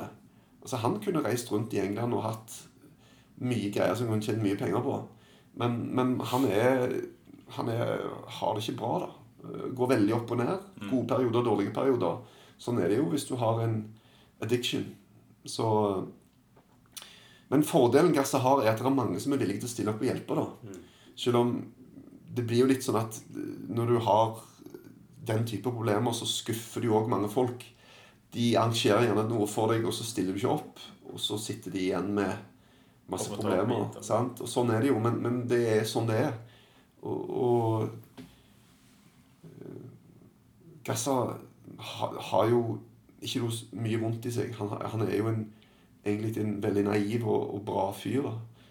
Eh, Selv om han har jo gjort ting han òg som, som ikke er bra i det hele tatt. Sånn i forhold til, Men han har òg havna sammen med folk som ikke alltid er, er bra for han da. Det var det jeg skulle si. Han kjennes som en veldig som du sa, naiv person. Som, Ja. som når du sa at han kan sikkert tjene penger, men det, hvilken gjør han det med? Det Ja, bli at det, det blir det. en backlash på Han det. hadde jo et, Det var en sånn grusom klipp som plutselig lå ute, der han var på en sånn eh, en sånn, eh, Der du har en sånn Q&A, folk kan stille spørsmål på en pub, eller han skal prate litt om sine Der han var bare så full. Og det å sende han opp på en scene i den tilstanden, det gjør du bare ikke. altså. Det var bare så vondt å se på. Og han hadde, når jeg traff ham første gang, så hadde han jo Jimmy Fivebellies Gardner. Det var jo hans gode venn gjennom mange år. Jimmy Gardner fra Newcastle. De var jo veldig tett, og han var en kompis av Gassa som, som bare var en, en som hjalp han veldig mye. da. Han var jo ikke en manager eller en agent, eller noe sånt. Han var bare en som var med Gassa og hjalp han, og var en sånn, litt sånn Men de har, tror jeg, da mista kontakten, så de er jo ikke sammen lenger. Eller har ikke noe kontakt lenger. Så men han gjorde mye for Gassa. Når Gassa gjorde et eller annet ille, noe galt, så var det ofte Jimmy som sa at det var han som gjorde det. altså. Så, og, ja. Ja, det, det låter som en riktig vän. Alltså. Mm. Men, eh, men då, när ni spelade ihop Gassa och du, så då var det ändå relativt kontrollerat. Alltså för Gassa. Alltså, sett till... Gassa var jo crazy, men, og litt ustabil på mange måter. Men bare på den måten at han kunne være um, Sånn at han eh, Han kunne bli veldig redd for ting. Sånn om det var på fly for at det skulle gå galt, kunne han få litt sånn panikkangst. Eh, Eller eh, Han skjøt et ekorn på trening en gang med et luftgevær. Og så var det en som så det på utsida av gjerdet. Og så sa han at han skulle melde han til politiet. Og da fikk han helt nøye. Da gikk han til Gudny Bergson, for han visste han hadde studert juss ett år på Island for å høre hvordan han skulle greie å komme seg ut av dette her. da. Eh, så eh, Men det er, som jeg sa, en veldig sånn kompleks fyr som hadde sin store frihet i å spille fotball. Mm. Rett og slett. Da Det blir en jækla tomhet for honom den Ja. Ja, og, men, men når han gikk av, når han gikk av treningsfeltet, eller av banen Det var da på en måte liksom Da hadde han issues da med å sjekke om han hadde slått av ovnen på kjøkkenet ti ganger.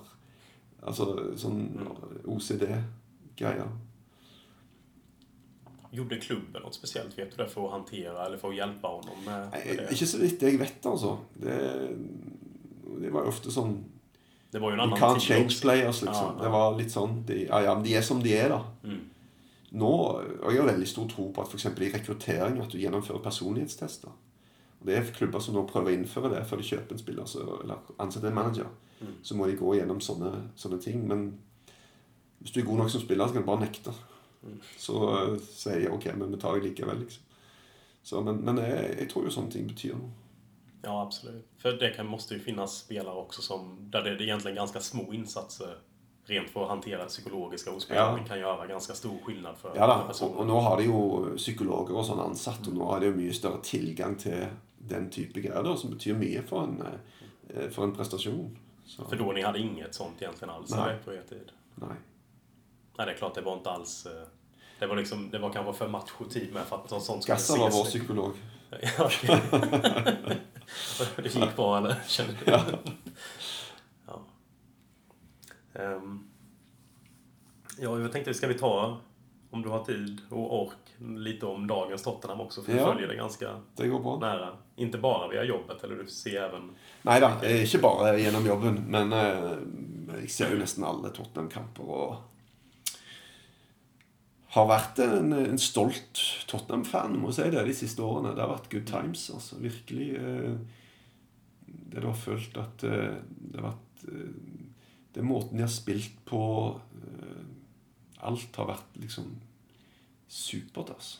Ja, det känns två, tre år sedan med så, så kändes det som att där pikade det verkligen. Där var det Ja. perfekt. Sista säsongen på White Hart Lane var ju magisk. Ja, det var det. Den var fantastisk.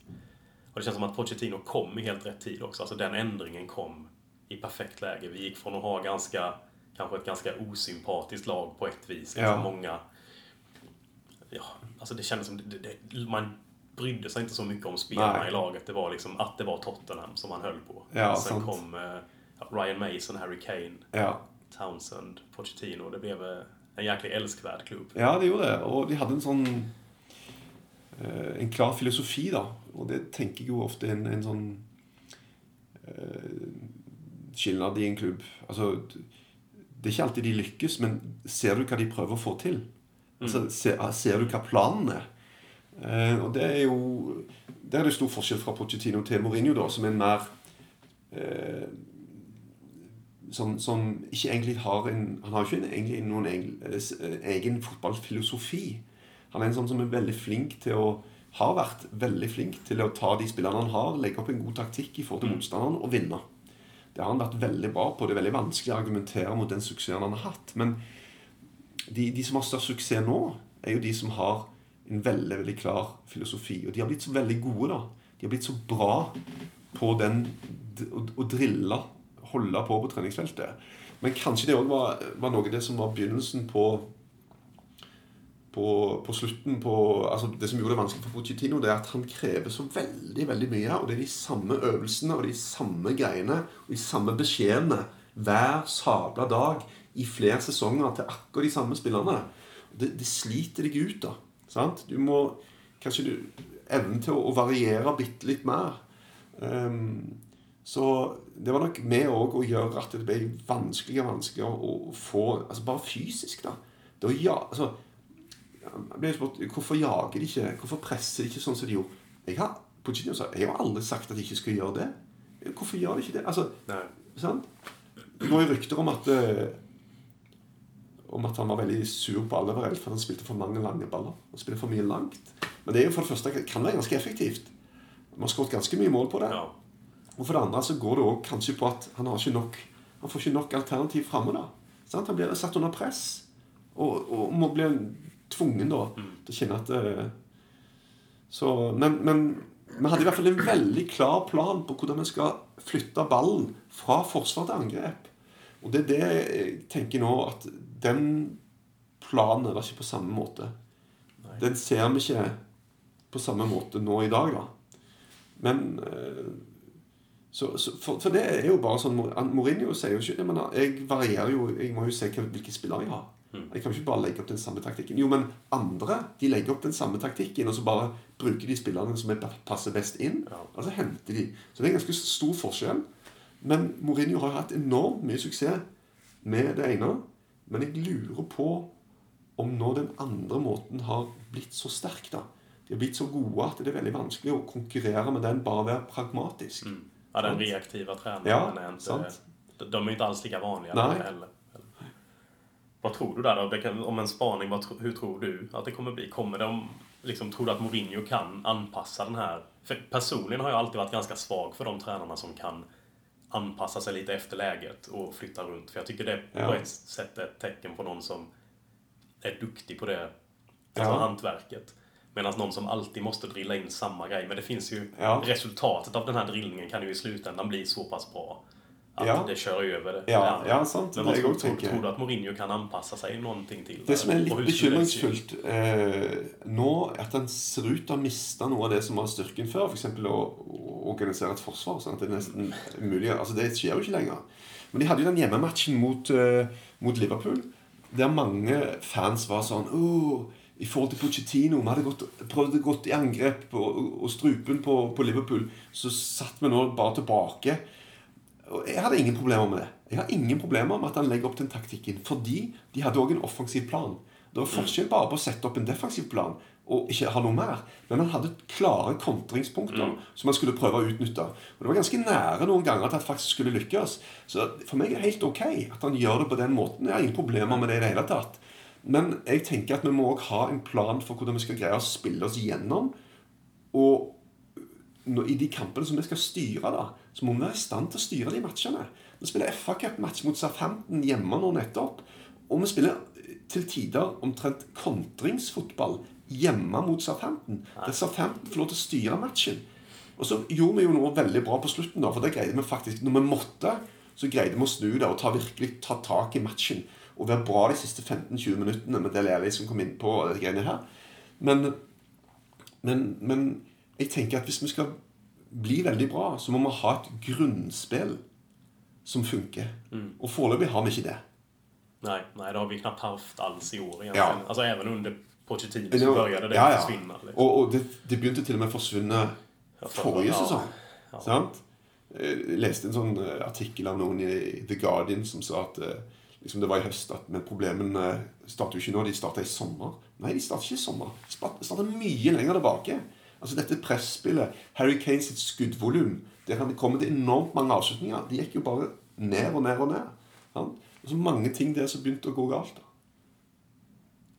Men ja, men eh, sen får man väl se också på eh, Mourinho under sommaren om han kan sätta. För jag håller med, dig, något, något grundspel måste ju sättas och finnas Ja. där. För det är ju inte hållbart mot bottenlagen eller de som backar hem att man ska, nej okej då ska vi backa hem ännu mer och försöka kontra på dem. Ja, ja. Det, det fungerar ju inte. Nej. Ehm, Så, og det er det som er liksom, Når vi spiller Altså, jeg var på Tottenham-Chelsea 22. desember. Det var grusomt, altså. Det var forferdelig. Vi tapte 2-0. Og, ja. var... og så, neste match, da var jeg på jobb i studio, Boxing Day, hjemme mot Brighton. Og da tenker du, etter den matchen der, mot Chelsea, så tenker du at ok, nå skal vi, nå skal vi ut oss. Nå skal vi vise publikum her at eh, liksom altså, de første 90 sekundene Ballen går fra avspark tilbake til backfireren, og så holder de på i ett og et halvt minutt og bare leter etter et eller annet som de ikke kan finne. Og så tenker jeg sånn Det går jo ikke. Altså Men la oss gi det en sjanse. Jeg tenker jo at eh, Mourinho har fått jobben. Da får vi kan godt være litt usikre, men vi får støtte opp så godt vi kan. eh, Og, og kanskje står vi der med en FA-cuppokal på slutten av sesongen. Det, det kan jo skje. Så, og da er det verdt det. Da tenker jeg, da er det fair enough. Det, det ender jo med at han får sparken. Det, ja, det, men det skjer jo nesten med alle Ja, fotballtrenere. det er mange som, Så det er ju det er som slutter Nej. Liksom, det er det ikke. Men det med, med, med tanke på pokaler, for jeg har för mig, jag har hört dig nämna det någon gång innan också i någon annan intervju, att eh, du har haft lite svårt med tanken på att det är topp fyra som är nästan allt. Och en FA-cup eller en annan titel, det är liksom, ah, ja. Ja, det var jo litt diskusjon. Jeg vet at det var litt kontroversielt internt i Tottenham òg når Pochettino sa det han sa. At pokaler og sånt er eh, overvurdert. Det er ikke det som er det riktige barometer for hvor god en fotballklubb er. Og det har han jo vett i. Men du kan ikke bare Altså eksempel at Liverpool nå da sier at ok, men vi prioriterer annerledes. Så vi spiller Kidsa i ligacup, FA-cup. Fair enough. De har nettopp vunnet Champions League. Sant? De kommer til å vinne ligaen i år. Det er helt greit. Men for fansen Når du ikke har vunnet en pokal på så lenge, Nei. så kan du ikke bare liksom si at den skiter vi, liksom. Och sen har du spelare som Eriksen som lämnar Tottenham och säger att jag har större chans att vinna en pokal i Inter. Alltså, Ja, sant. någonstans bryr sig, det påverkar Ja. ju även laget på ett sätt. Visst, du kan bygga upp till en nivå, men någon gång så måste det komma någon. Ja, det, Alltså, det, Pochettino var fantastisk. Ja. Det lyftet han har gjort, det, det kan ingen säga något annat än att det var Ja. fantastiska år. Men man spelar ju ett högt spel också när du lägger dig på den nivån. Att liksom, Ja. ska vi nå... Ja, han siktade liksom på ligan och Champions League långsiktigt. mm, Och, men började sen då, börjar du få motgångar internt där folk inte riktigt håller med deg lenger, så blir det en veldig svår balans. ja, det det. Du må, når du forlanger så mye av spillere, så må de få en form for belønning. da. Ja, Ok, du kan si at ja, Champions League-finalen er det, for Tottenham har aldri vært i en Champions League-finale. Men den var jo ødelagt etter 23 sekunder. Det var jo eh, en grusom finale. Og faktisk, Tottenham var jo ikke så aller verst i den matchen. Men, men Liverpool trengte jo ikke gjøre noen ting.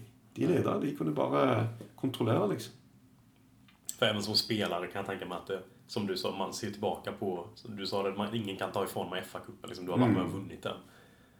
Um, jag har svårt att tänka mig att spelare sitter när de är klara, så där, går igenom hur många gånger de slutade trea och fyra. Utan alltså, Ja, altså- med, med tanke på mentaliteten på Ja. någon som blir professionell Men så er det klart också. at nå har de Forskjellen mellom superlagene og de andre har jo blitt enda større, da. Altså, ikke denne sesongen så mye. Liverpool selvfølgelig, men, men, men eh, topp seks-lagene eh, i flere sesonger tapte jo sjelden mot lagene lenger ned på tabellen. Nei. Altså, jeg var på, eh, på Tottenham Huddersfield på Wembley 5-0, og det var jo skikkelig tråkig. Altså, det var, dette er jo ikke en match. Dette er en sånn eh, exhibition-greie. Og da syns jeg forskjellen var blitt for stor, da. Eh, men eh, en må En må ha et eller annet. altså Det å få oppleve det. Det å få liksom få den utløsningen av å stå på, på, på Wembley og ta imot en pokal og få liksom, Det er en sånn greie som det Den gjengen som skal reise opp til i dette skitværet som er i England nå, og skal opp til Aston Villa og stå ute der i morgen og, og bli regna ned og Altså, de, de, Det betyr noe for en pokal. Altså. Det, så en, en skal ikke undervurdere det. Nej. Jag håller med också som supporter. Man, eh, jag har ju liksom under min aktiva tid som supporter så är det ju liksom ligacupen med eh, Juan de Ramos. Ja, det är ju det man har. Ja, jeg har vært på Eh. ligacup. Jeg var på den når de tapte på, mot, på Var det på straffespark mot, Mot United. Ben Foster i mål. Altså, ah, det er sånn nedtur, altså. Det er tungt. Ja. ja. Men vi kanske ska... Vi hoppas på noen FA-cup i år, sier vi. Så, Ja, det er vel det Jeg tar ikke tro på noe Champions League, må jeg innrømme. Det, det, det er jo ikke så bra. Selv om det var jo et mirakel i forrige sesong òg, da. De, de, de var jo ikke så veldig gode. Men, eh, men jeg kommer jo aldri til å glemme det. Nei, altså, ja, det var det var helt altså, City først, og så det der Ajax-greiene der. Det var helt sykt. Altså. Nei, det, det, er bare sånn altså det, når, når, når City skåra på slutten, og plutselig så kommer det opp det VAR-greiene Det var helt Altså, det er sånn episk, altså. Helt sykt. Det flög en del öl, öl in i på puben när jag var då. När det, hände. det var en del som bara tappade det fullständigt. Det drog liksom ölglas i, i taket. Det, det hade nästan varit bättre om vi inte hade spelat finalen. Bara sådär, okay. Ja, För liksom Amsterdam var ju... Ja, toppen, kände ja. Där, det Ja. var ju helt galet. Ja. Ja men... eh, Ska vi säga så? Säga stort tack för att du var med i Leddy Kings knä. Du är hjärtligt välkommen tillbaka om du känner för det. Om våra underrättelsetjänster plockar upp att du är i London igen så hör vi kanske av oss. Come on you Spurs. Ledley Kings knä Konsekvent, inkonsekvent Det bästa som någonsin hänt. Ledley Du kommer aldrig bli dig själv igen min vän. Här flödar hybrisen. När vi poddar på nytt igen. Du kommer aldrig bli dig själv